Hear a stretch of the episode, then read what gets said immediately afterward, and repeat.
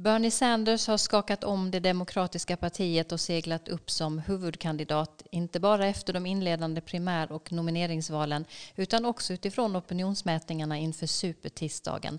Något som har startat en intellektuell kamp i amerikanska medier över vad en socialist som presidentkandidat skulle betyda för USA. Men i Amerikanalyspodden idag är vi i veckans avsnitt mer intresserade av Trumps relation till rättsväsendet och vad som egentligen händer i relationerna till domstolarna. Och så tar vi oss framförallt an dödsstraffet som USA fortfarande tillämpar även om antalet som avrättats har minskats på senare år. Men hur ska vi förstå dödsstraffet och dess effekter på samhället? Det försöker vi reda ut idag. I vårt inslag Mitt Amerika hör ni denna vecka Inger Arenander, Sveriges Radios tidigare USA-korrespondent som delar med sig av sina tankar om vad USA är för land och hur det förändrats. Och så veckans Trump såklart. Varmt välkomna att lyssna. I have a dream that one day this nation will rise up and live out the true meaning of its creed. This is a place where you can make it if you try. This is a country where anything is possible, no matter who you are. We do big things. Together, we represent the most extraordinary nation in all of history. What will we do with this moment? How will we be remembered?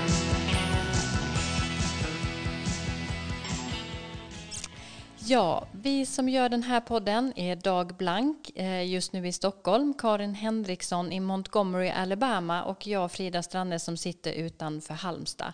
Erik Åsad ingår också i vår redaktion, men han har just nu huvudet nedsjunket i research för ett nytt projekt. Men han har lovat att vara med ett tag i nästa avsnitt.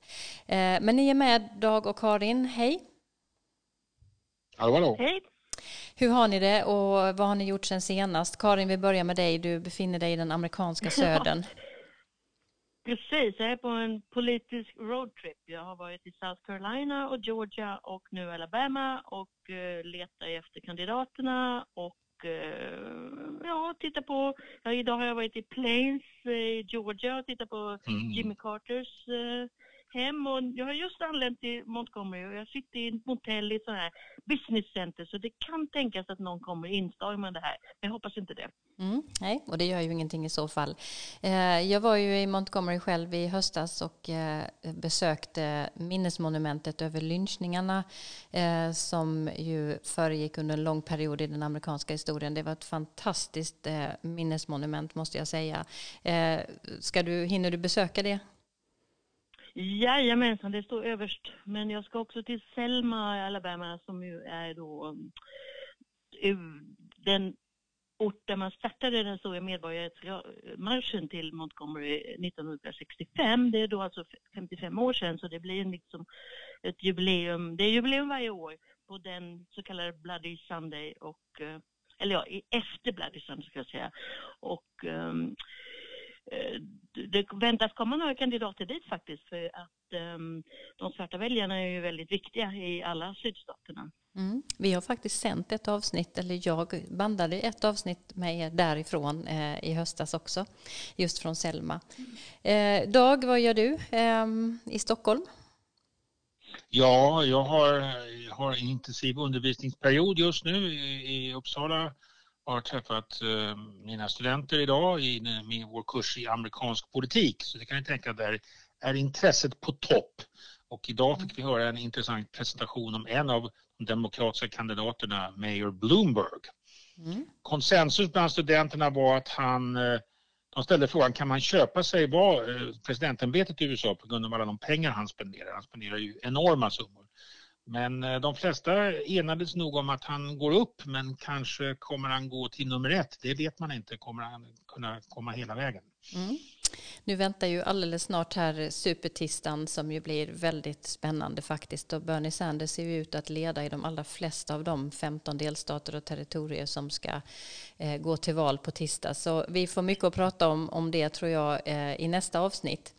Men en brännande fråga i Washington i dessa dagar är Trump och hur han ser på rättsväsendet. Vid benådningar, attacker mot högsta domstolens domare Ginsburg och Sotomayor, informationen till justitiedepartementet och så har han sagt att han är högste polischef. Vad kan man säga om allt detta Karin? Kan du ge oss en liten bild av vad, vad det är som har hänt? Ja, egentligen kan man ju säga att det faktiskt har pågått under hela hans eh, presidentskap, eller tre år nu. Och det började med en gång nästan när han ifrågasatte en domares nationalitet för att eh, denne hade mexikanska föräldrar. Och sen har, fortsatte han med ständiga utfall mot de appellationsdomstolar som, som dömde emot honom. Och det som han påstår berodde på att det bara satt en massa demokrater i de här domstolarna. Och nu på sistone så gällde det hans tweetar om med protester mot att eh, en av hans eh, vänner och kumpaner skulle få ett mycket långt eh, fängelsestraff. Eh, Roger Stone heter han. Och även där gick han till personlig attack mot den enskilde domaren. Och eh, justitieministern William Barr, han reagerade mot detta och ställde till och med upp i en intervju i tv och sa att presidentens tweetar försvårade hans jobb. Och Trump då eh, antydde, jo han förstod nog det, men han fortsatte att blanda sig i alla fall. För till saken så hör jag att det finns en tyst överenskommelse om att justitiedepartementet var så fria ifrån politiken eh, därför att alla amerikaner ska känna ett förtroende för rättsväsendet. Och till den bakgrunden så hör ju dels då eh, John F Kennedys rätt så olämpliga beslut att utse sin bror till justitieminister och vidare Richard Nixons försök att utöva ministerstyre just i det departementet. Mm. Eh, Trump säger själv att han är eh, högste polischef. Eh, är han det? Nej, han är ju ytterst ansvarig för att se till att lagarna i landet följs. Det står i författningen, men det finns ju ingen tanke om att presidenten själv skulle på något sätt vara uh, chief of police. Men ehm, eh, Trump visar ju inte särskilt stor respekt för maktdelningen överhuvudtaget, eh, som, som ju innebär att rättsväsendet då med högsta domstolen i toppen är det tredje benet i systemet alltså tillsammans med presidenten och kongressen. Och det visade han senast häromdagen när han krävde att två av ledamöterna i, i HD som tillsatts av demokratiska presidenter ska gå ut ur rummet eh, ifall ärendena rör Trump. Och det som utlöste det, oj nu kom det någon in men nu gick ut igen, eh, var eh, ledamoten Sonja Sotomayor som tillsattes av eh, Barack Obama.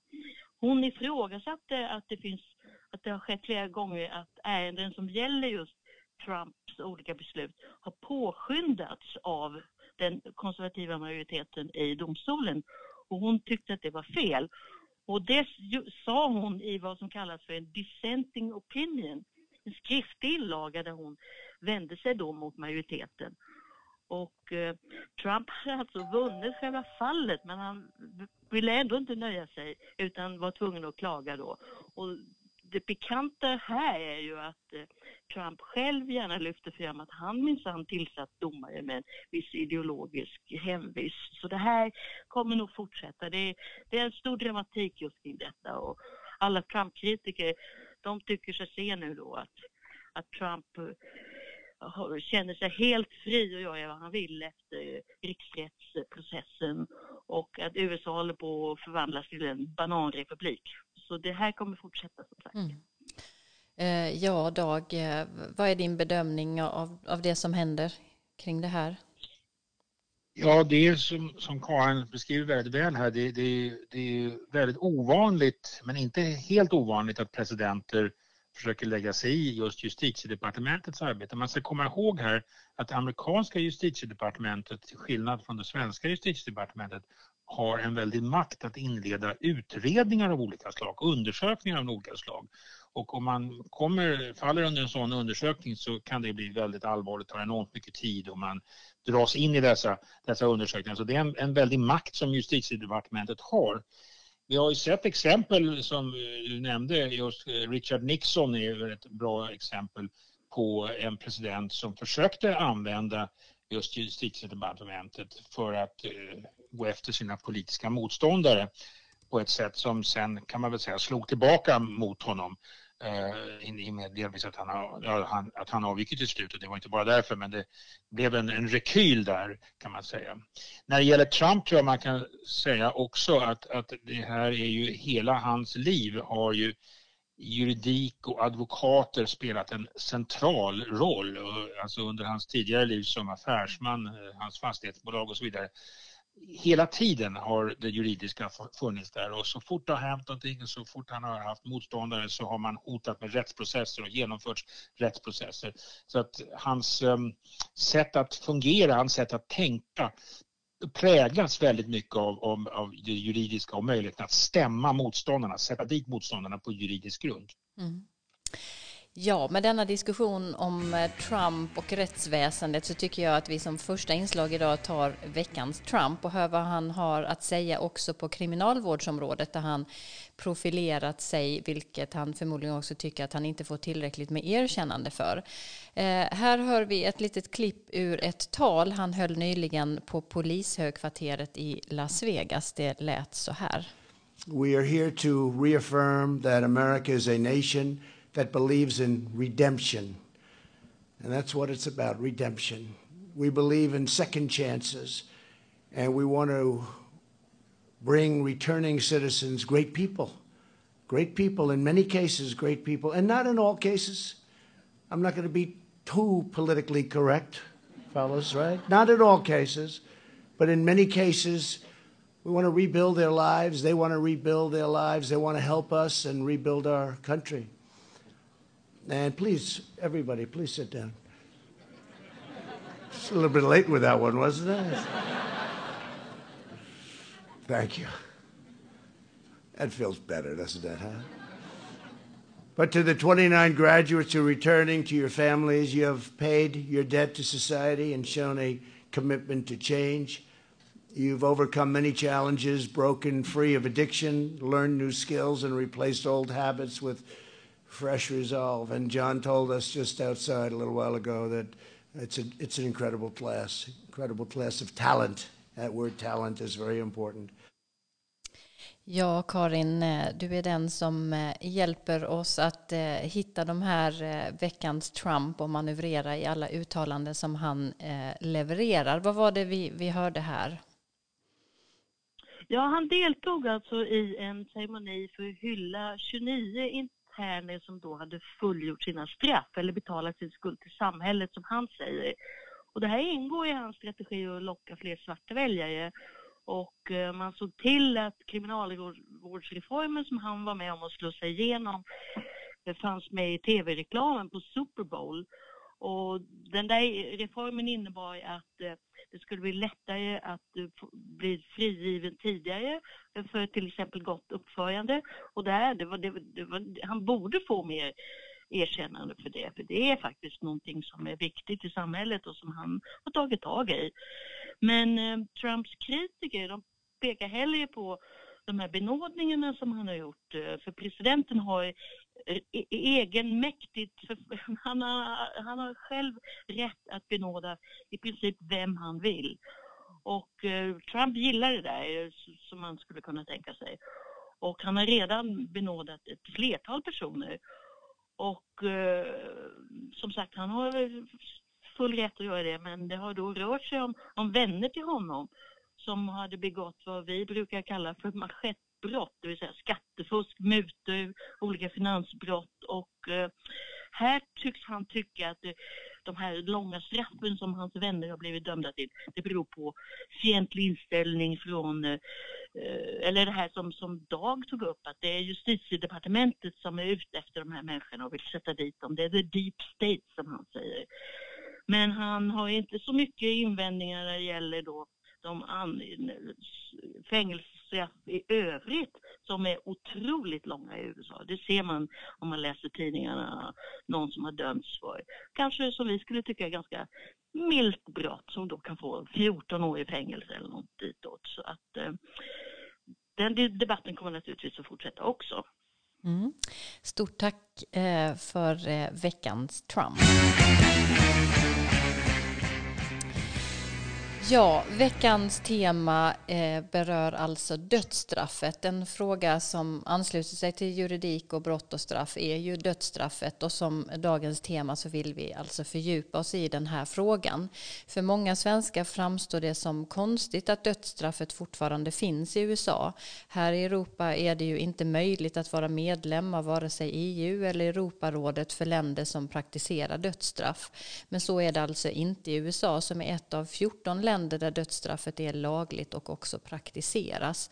Andra länder i den här gruppen är Kina, Egypten, Saudiarabien, Etiopien och Bangladesh. USA avviker ju alltså här från både Europa och Nord och Sydamerika.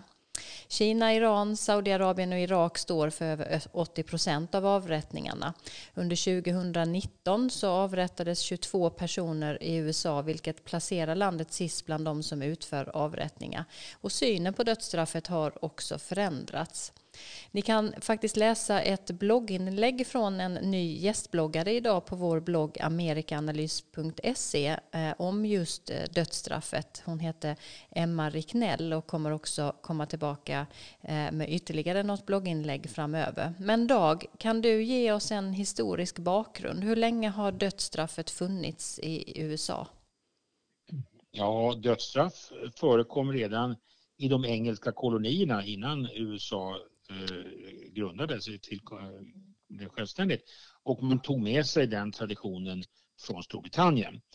Eh, och under den amerikanska historien har dödsstraffet varit ett ämne för debatt och stöd för dödsstraffet och dess användning har gått fram och tillbaka. Det har funnits kampanjer för att avskaffa dödsstraffet men det har också kommit tillbaka. Eh, den här kampanjen för avskaffandet som egentligen kan man säga fortfarande pågår eftersom det fortfarande praktiseras inleddes egentligen redan efter USAs tillkomst och då började några delstater som Pennsylvania och Michigan att avskaffa dödsstraffet. Eh, I början av 1900-talet under den så kallade progressiva rörelsen då ett antal stora sociala reformer genomfördes i USA accelererade tempot och sex delstater förbjöd det totalt och sedan återkom det i flera delstater eh, efter, efter första världskriget. Så det har gått fram och tillbaka. Okej, okay, kan jag bara säga något här om hur det är i Sverige? Där så, eller, så avskaffades eh, dödsstraffet i fredstid 1921. Men det dröjde faktiskt ända till 1973 eh, till förbud även vid krigstillstånd. Och sen så verkar det inte finnas så många opinionsundersökningar men jag hittade en i alla fall och hon är nästan 25 år gammal och då ansågs 44 procent av svenskarna att det borde finnas kvar. Mm. Mycket intressant, en siffra som eh, inte jag har hört i alla fall eh, tidigare. Hur är läget eh, i USA idag, Dag? Ja, som jag sa så har under de senaste årtiondena utvecklingen ändå gått mot ett avvecklande av dödsstraffet efter andra världskriget när man antog konventioner om mänskliga rättigheter och så vidare så knyts dödsstraffet till, till den debatten så att säga att det, det, ska avskaffas på det sättet. Och på 1970-talet så såg det verkligen ut som dödsstraffet var på väg bort helt och hållet.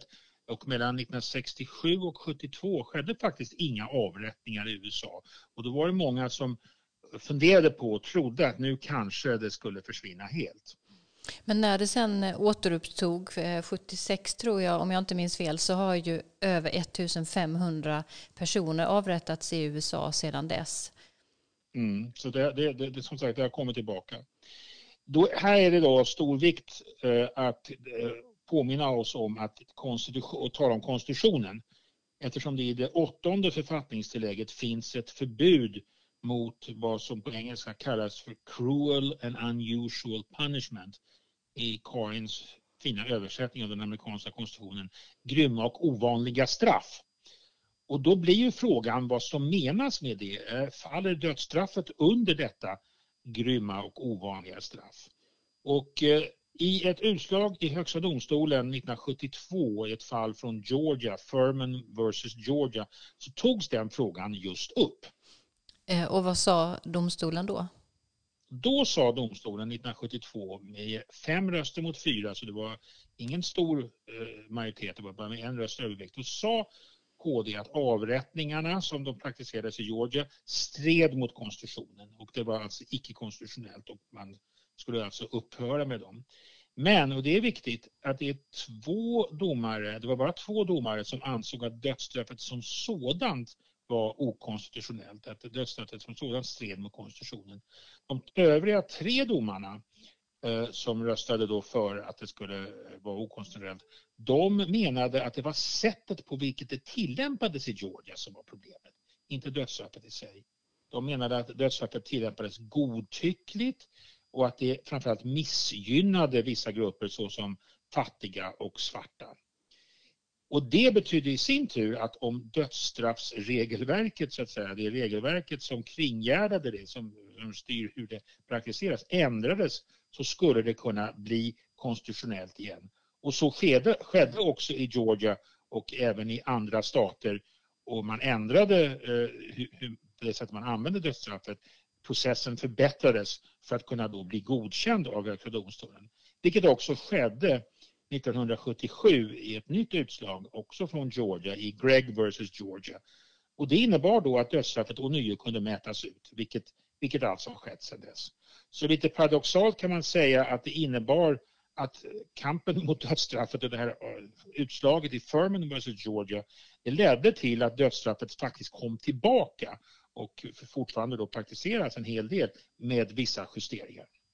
Finns det andra orsaker till att dödsstraffet verkar gå till, tillbaka? Ja, under de senare åren så, så har väldigt mycket handlat om osäkerheten kring dödsstraffet och kring rättegångarna där dödsstraff har utmätts och att det finns oskyldigt dömda. Det har fått en stor uppmärksamhet och blivit ett starkt argument mot att man ska använda det. Illinois, där ju jag är verksam en del av året, infördes ett stopp för dödsstraffet, ett moratorium 2003 av guvernören George Ryan. Han ansåg att osäkerheten var alltför stor. Och det gick tillbaka till ett mycket uppmärksammat fall från 1983 där en man vid namn Anthony Porter hade dömts för ett dubbelmord och eh, till dödsstraff. Och han satt på death row som man säger i 17 år och väntade på att dödsstraffet skulle utmätas. Det är ofta kringgärdat genom många, många eh, överklaganden på olika sätt så att de här processerna kan dra ut väldigt långt på tiden. Och i 17 år satt han på death row och vidmakthöll att han var oskyldig. Och en grupp aktivister och studenter vid Northwestern University, ett av de fina universiteten just norr om Chicago, Eh, tog upp hans fall och engagerade sig i hans fall och kunde visa att domen var felaktig. Att delstatens enda vittne som vittnade om att den här mannen var skyldig hade under 17 timmars förhör trakasserats och faktiskt förmåtts att vittna falskt.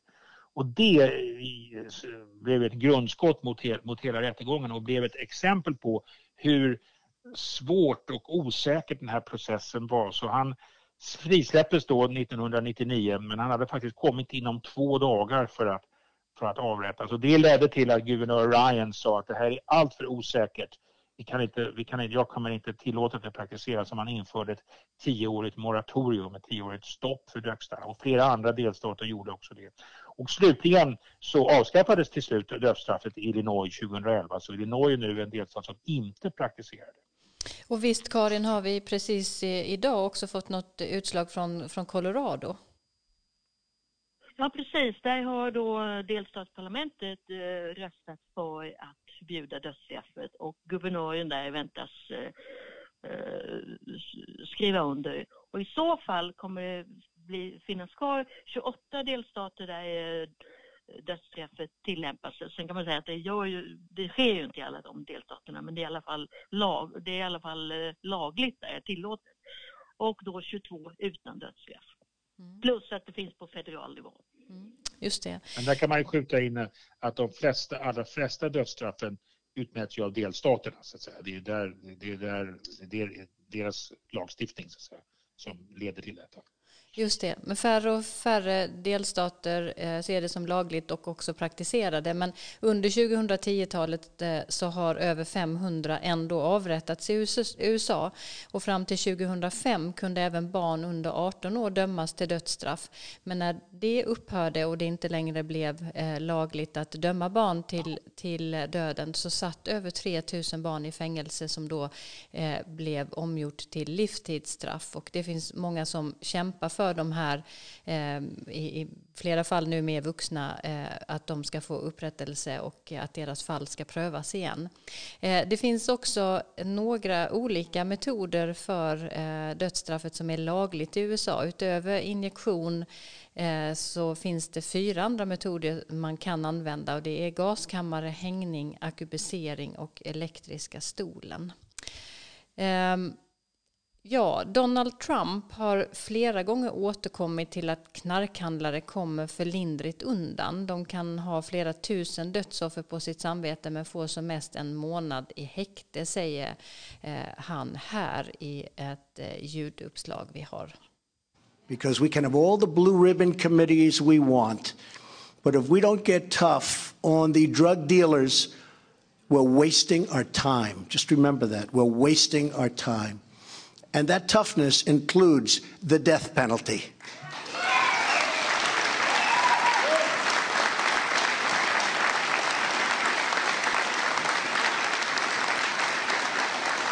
You know, it's an amazing thing.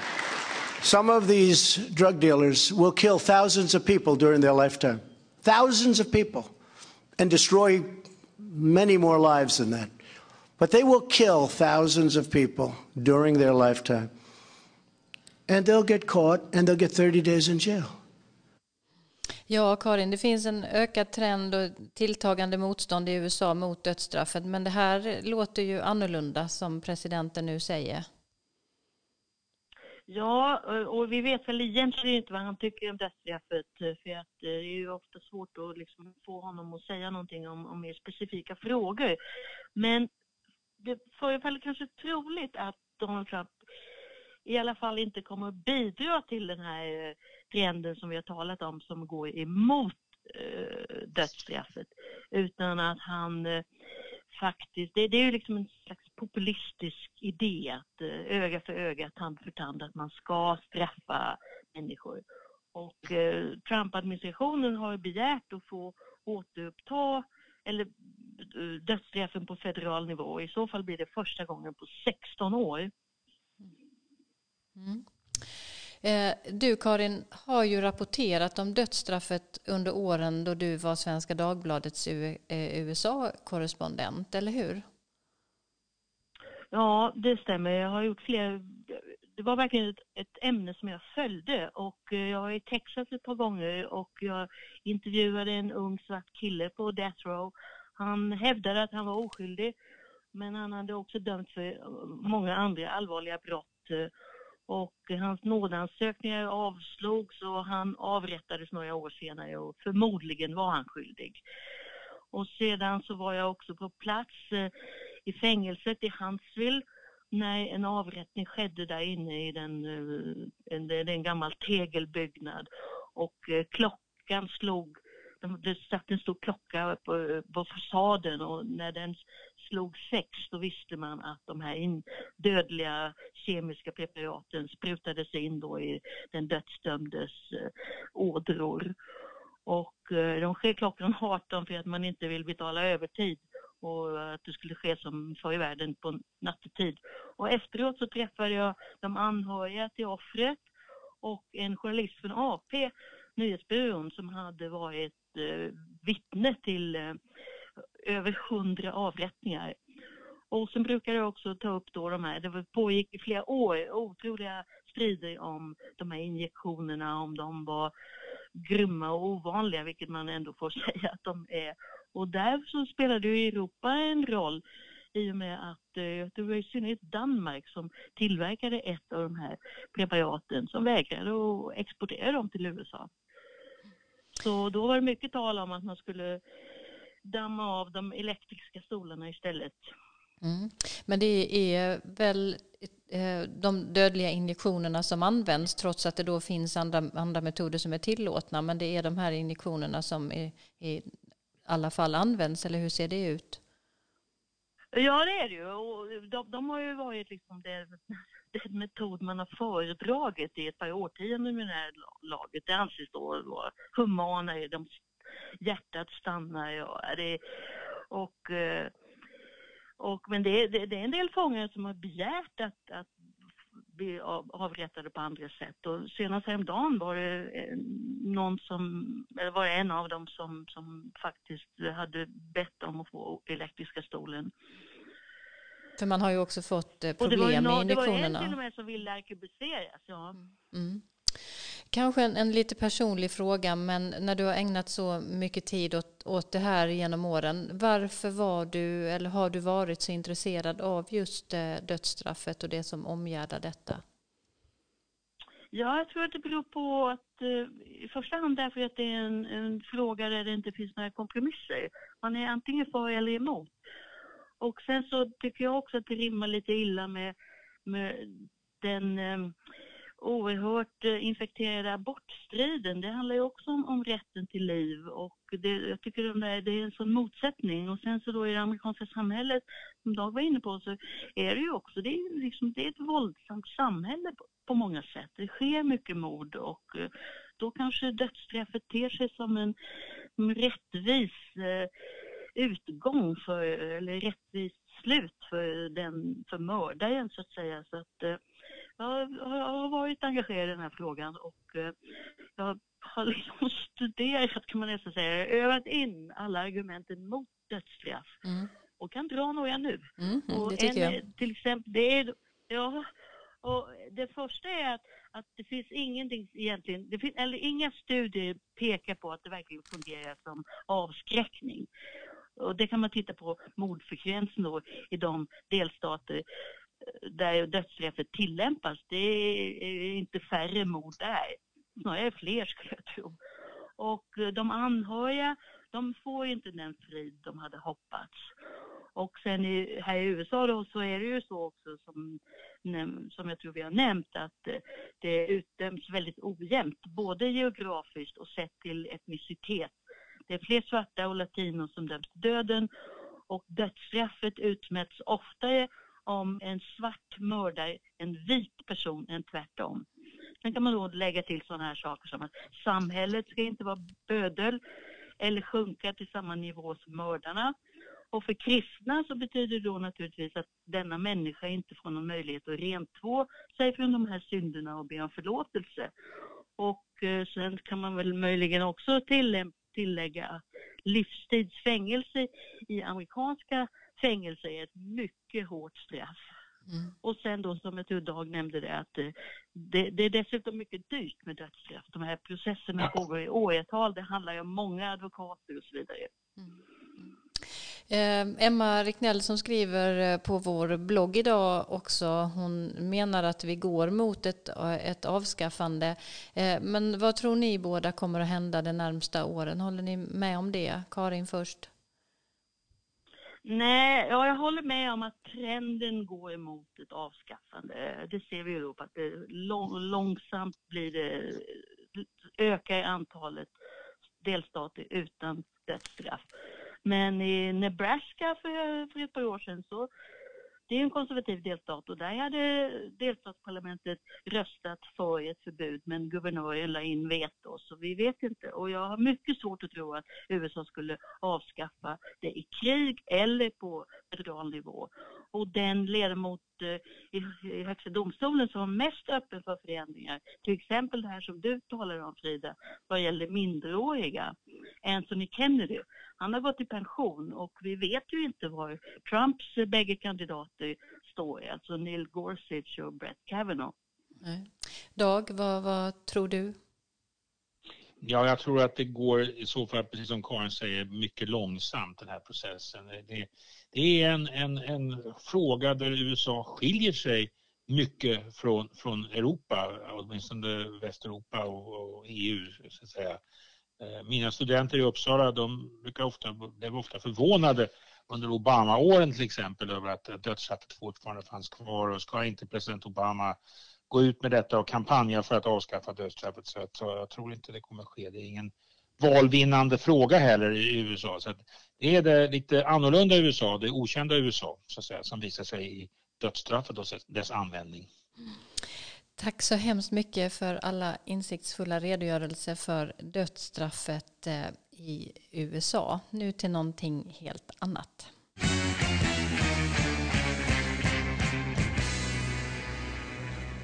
Ja, vi har ett nytt inslag här i podden som vi kallar för Mitt Amerika där vi låter kända svenskar med kopplingar till och erfarenhet av USA ge sin bild av landet och hur det har förändrats. I tidigare avsnitt har vi fått höra Olle Westberg och Jan Eliasson och i dagens program har turen kommit till Inger Arenander som jag samtalade med för någon vecka sedan. Inger har jobbat större delen av sitt yrkesliv på Sveriges Radio och är en av radions mest kända och profilerade i bevakningen av svensk politik sedan flera decennier bakåt. Hon var bland annat med och grundade Ekots lördagsintervju. 1989 till 93 bodde hon första gången i USA och frilansade då en period därifrån. Men hennes främsta erfarenhet av USA är att hon under fem år från 2013 och framåt var USA-korrespondent med fäste i Washington. Inger gav oss lyssnare många träffande och intressanta reportage och kröniker från det stora landet i väst. Och jag började med att fråga Inger om hennes första möte med USA. Ja, det kan man säga var en förlängning av mitt eh, familjeliv. Rätt eh, odramatiskt på ett sätt och väldigt dramatiskt på ett annat. Jag har ett, ett syskon, en enda bror och han bor där sedan mer än eh, 40 år tillbaks. Så de första resorna som jag gjorde till USA, det var för att hälsa på honom och sen så småningom till hans familj. Och själv hade jag inte alls någon direkt lockelse eh, till USA eller längtan efter USA utan jag åkte dit för att hälsa på honom. Jag åkte till, till Europa, till Paris och London och sådär när jag var 15-16 men inte USA så att dit kom jag inte förrän jag var mer än 20 eller jag var väl 79 första gången. Så mm, jag såg den goda sidan av USA eh, när jag kom dit. Öppet och vänligt och välkomnande och enkelt. Eh, och eh, jag reste runt också med en kompis och då var det som det är i, i USA. Vi bodde hos folk som vi inte kände innan. De öppnade sina hem, vi gick på kalas, vi bodde hos kompisars kompisar och så. Och jag minns att jag tänkte att eh, de visste ganska lite om oss, eh, tyckte vi i alla fall. Det var en klassiker då. Det här är ju 40 och mer än 40 år sedan. Då frågade de ofta om vi var från Schweiz. De kände inte till Sverige. Men det har ju ändrats eh, väldigt mycket nu. Och jag minns att jag tänkte på könsroller när jag kom dit. Det var lite som på 50-talet på något sätt när jag träffade min brors kompisar långt fram i tiden. Inte minst när han bodde i södern, han bodde i Savannah ett tag i Georgia. Eh, kvinnor och män var för sig. Kvinnor pratade om barn och mat och matlagning och sånt och männen pratade om sport och bilar och så. Där såg man ju också stora ras, äh, rasskillnader som var ett annat möte med USA när man förstod det, när jag förstod det själv vilka fördomar som finns och vilket förakt. Eh, och det som jag såg senare också när jag blev korrespondent så småningom. Nu har du lång erfarenhet av USA och hur skulle du vilja beskriva det amerikanska samhället? Vad tycker du är kännetecknande?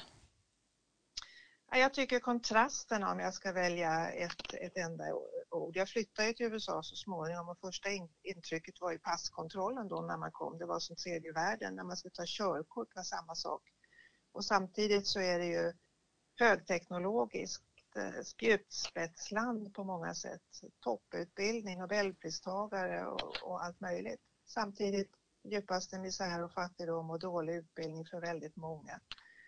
Jag tycker individualismen är ju någonting sånt som slår en också. Motståndet mot kollektiva lösningar som är eh, annorlunda för en svensk som är uppvuxen i det socialdemokratiska Sverige. Statlig kontroll vill de ju inte ha, vare sig när det gäller eh, hälsovård till exempel eller vapen, bara för att ta ett par tydliga exempel. Samtidigt finns den här kontrasten med en stark känsla av solidaritet mellan människor, välgörenhet och sånt. Det finns å ena sidan den amerikanska drömmen, optimismen, beundran för de som tjänar mycket pengar och samtidigt finns den här, som jag sa, en djup rasism, våld. Det är nära till våld ofta i USA, spänningar mellan olika grupper. Och det som vi har sett nu med Trump också då, den här också, det är ju vanligt, inte bara Trump, bilden av en amerikansk överhöghet och, och stoltheten över militärmakten, our troops, thank you for your service och allt sånt som amerikaner säger. Samtidigt med den här tröttheten på krigen, på att USA ska vara ordningsman och så. Det är en annan, en annan motpol, så man kan ju fortsätta så här hela dagen och räkna upp eh, och lägga till nu då ännu mer polarisering politiskt. Det har ju bara eskalerat i USA. Och jag har ju vänner och bekanta där som knappt talar med varandra längre för att de står på olika sidor.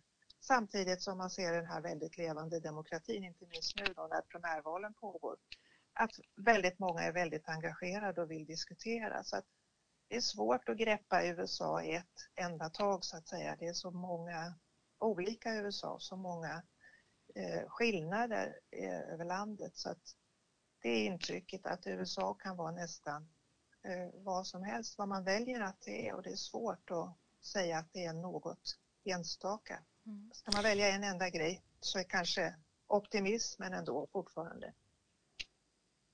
Mm. Eh, nu har du ju som du själv beskrivit varit där under, väldigt, eh, under flera decennier. Har ditt, hur har din bild av USA förändrats genom alla de här åren?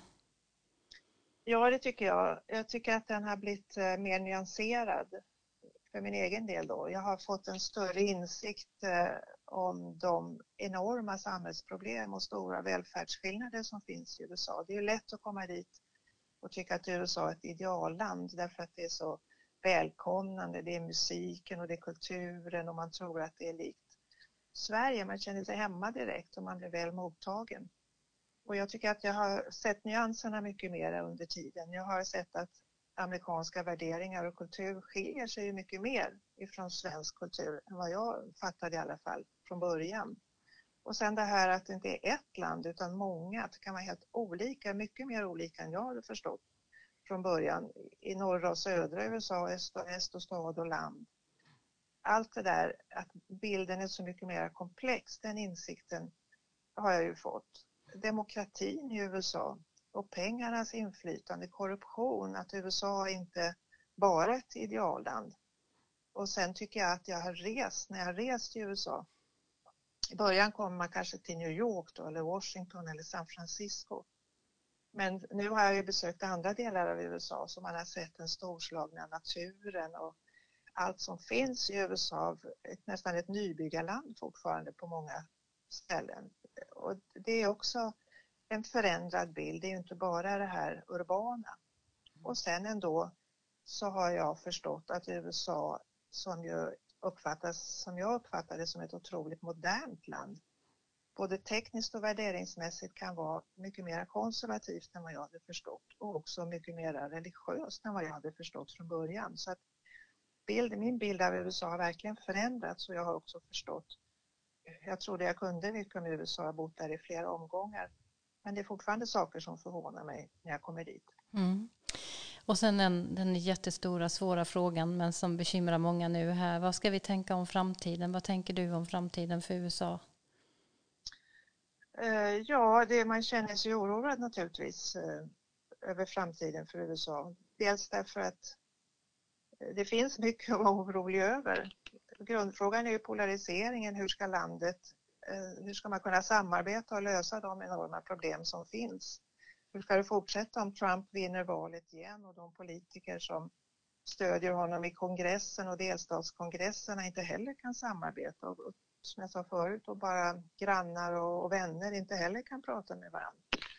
För att vi kan ju se nu då hur Trump och hans eh, administration eh, eh om inte angriper så i alla fall eh, attackerar medierna och, och rättsväsendet kan man väl säga och, och staten, underrättsorganisationen, tjänstemännen, regleringarna och så vidare. Så att eh, hållbarheten i institutionerna är väl en sak som kan oroa och också om eh, hur det ska gå i valet här. Blir det ett jämnt val? Vad händer då? Kommer Trump acceptera det eller inte? Ja, våldet har ju ofta legat nära till hands i USA historiskt sett så att det är en sak man kan vara, tänka på och vara pessimistisk och känna sig orolig över även om det finns en kraft i ekonomin och kulturellt och, och vetenskapen i USA. Men man får väl ändå känna sig lite pessimistisk, det gör jag faktiskt. Mm. Tack så hemskt mycket Inger Arenander för dina tankar om eh, Amerika.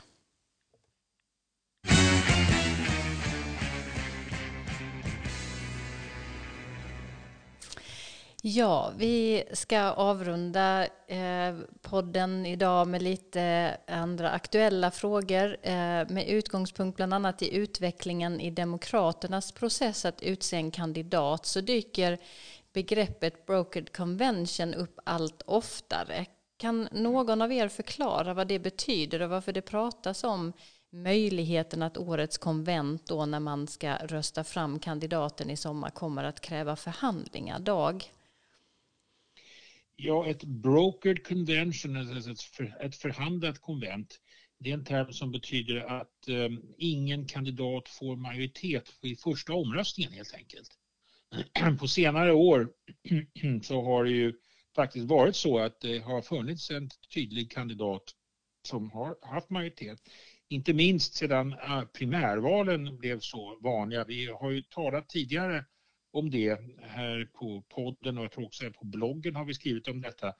Hur primärvalen blir allt vanligare och nu, nu har vi ju till exempel i år Eh, en situation där eh, snart kommer en stor del av delegaterna vara fördelade och då vet man, eller tror man sig veta att det blir en kandidat som vinner. Men det kan uppstå situationer där det är ett oklart läge och det är det som kallas för broker convention och då får man alltså förhandla eh, mellan de olika kandidaterna på olika sätt. Den senaste gången det inträffade, det riktigt brokered convention, det var faktiskt 1952 för båda partierna. Efter det har det varit Eh, eh, en som har vunnit på första omröstningen. Däremot har det funnits utmaningar hela tiden. Det har funnits kandidater som har legat och nosat den andra i, i, i, fötter, i hälarna och det har varit diskussioner om det kommer att bli ett brokered convention. Och det har skapat en väldigt stor oro. Det såg vi ju förra gången, eh, förra 2016 i kampen mellan Hillary Clinton och Bernie Sanders till exempel. Karin, vad tänker du om eh, förutsättningarna för att vi ska hamna i ett sådant läge just i år? Ja, man kan ju dra en parallell till till 2016 för att eh, det fanns ju, det har vi nästan glömt nu, men det var ju väldigt starkt motstånd mot Donald Trump i en del republikanska läger. Och eh, det visade sig under hela våren, det var ju, det var ju till och med den här, mm, ja, jag behöver inte gå in på detaljerna, men, men när konventet sen närmade sig, då fanns det då utbrytargrupper som försökte få igenom regeländringar för att man skulle kunna mm lyfta fram en dark horse som skulle då, eh, liksom, att, att, att, det skulle finnas en sån motvilja mot Trump överhuvudtaget, att man skulle kunna lansera en helt ny kandidat. Men det, det gick inte som bekant och eh, Trump hade ju, han hade ju majoritet av, av delegaterna så det var ju överhuvudtaget ingen eh, Ja, de, de lyckades helt enkelt inte. Det var ett kuppförsök som inte lyckades. Och nu så är det ju tal om ungefär lite, lite likadant. Om nu inte Bernie Sanders får majoritet av, av eh, delegaterna, vad gör man då? Och eh, det är lite av samma motstånd mot Bernie Sanders i det demokratiska partietablissemanget som det var mot Trump i det republikanska partietablissemanget för fyra år sedan. Mm. Ja, eh, vi får helt enkelt vänta med spänning och se vad som händer och som vi sa inledningsvis, nu närmar vi oss supertisdagen och eh, vad tänker ni om supertisdagen? Den är, det är ju alltid en betydelsefull dag. Det är många och också de stora delstaterna som röstar där. Men tror ni att vi kommer att ha eh, någon segrare efter supertisdagen eller hur lång tid kommer det här kunna dra ut på tiden, Karin? Ja, alltså jag känner, jag har ju varit nu i South Carolina där man röstar lördagen den 29 februari, det vill säga tre dagar före supertysten. Och jag måste säga, det här måste partiet ta sig en funderare på. Det är ju inte alls klart vem av de här fortfarande då sex, sju kandidaterna som egentligen ligger bäst till. Det vet vi inte. Det har bara varit några udda delstater som har röstat hittills. Mm. Och jag var och lyssnade på, det var väl fem av dem. Och jag tänkte liksom, brukar tycka, liksom, ska det vara så svårt att bestämma sig för vilken som är bäst? Men det var faktiskt det. De var, hade ju olika synpunkter, de var mer eller mindre goda talare och jag just den här kvällen så tyckte jag till exempel att Amy Klobuchar gjorde väl ifrån sig. Nu har väl inte hon chans att bli nästa president, men ändå. Det, och nu är det, kommer det vara slut nu efter supertisdagen mm. för de som inte lyckas komma med i, i, i toppklungan. Mm, Dag, vad, vad, säger du? Kommer det här att bli en lång utdragen process nu under hela våren eller vad, vad är mest troligt? Ja, det kan ju bli det. Det har ju som Karin sa också det här regelverket som, på vilket, för att inte bli för tekniskt, men det sättet på vilket delegaterna fördelas. Det har ändrats ju fram och tillbaka mellan de olika valen och nu har ju Demokraterna gått över till ett proportionellt sätt, nästan alla val tror jag. Så det finns ingen sån här att winner takes all situation. Va? Så det betyder att, att, ehm, att man får, alla får lite delegater helt enkelt. Och då, och då kan det ju dra ut på tiden. Då blir det, det försvårar ju då kanske möjligheterna för någon att framträda tidigt som en, som en eh, på majoritet. Å andra sidan så är det då supertisdagen och sen har vi en mini super Tuesday som kommer lite senare också där ganska många delstater röstar. Det var väl planeringen där gjordes med tanke på att man skulle ganska snart få en, en, en kandidat, att det skulle framträda en tydlig kandidat så det inte skulle bli den här långt utdragna interna striden då som man ansåg ska gynna Trump då som är den givna kandidaten på andra sidan. Mm. Vi brukar också avslutningsvis eh, i vår podd ju prata lite om vad vi håller utkik på eh, framåt. Eh, vad är det nu, förutom då givetvis de här kommande valen som ligger nära i tid för Demokraterna nu, vad, vad tittar du lite extra efter, Karin? Ja, tyvärr är det ju så att man måste titta på vad som kommer hända med coronaviruset och responsen på det. Så det är väl det man måste säga. Men i övrigt, om vi, vi brukar ju ibland tala om nyheter som har kommit bort och där tycker jag kanske att eh, president Trumps eh, budgetförslag borde ha lyfts fram lite mer i debatten. För att eh, de där budgetförslagen från Vita huset brukar inte leda, de blir ju inte, all, de blir inte verklighet, men ändå är det en signal om vad presidenten vill och det finns en hel del intressant där, till exempel om vad gäller välfärdsprogrammen som alls inte har lyfts fram. Så det, det, det är väl det jag skulle säga. Mm.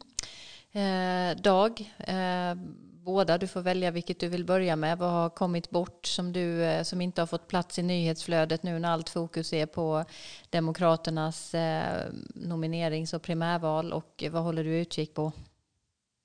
Ja, jag är historiker så jag blickar ju bakåt. Mm.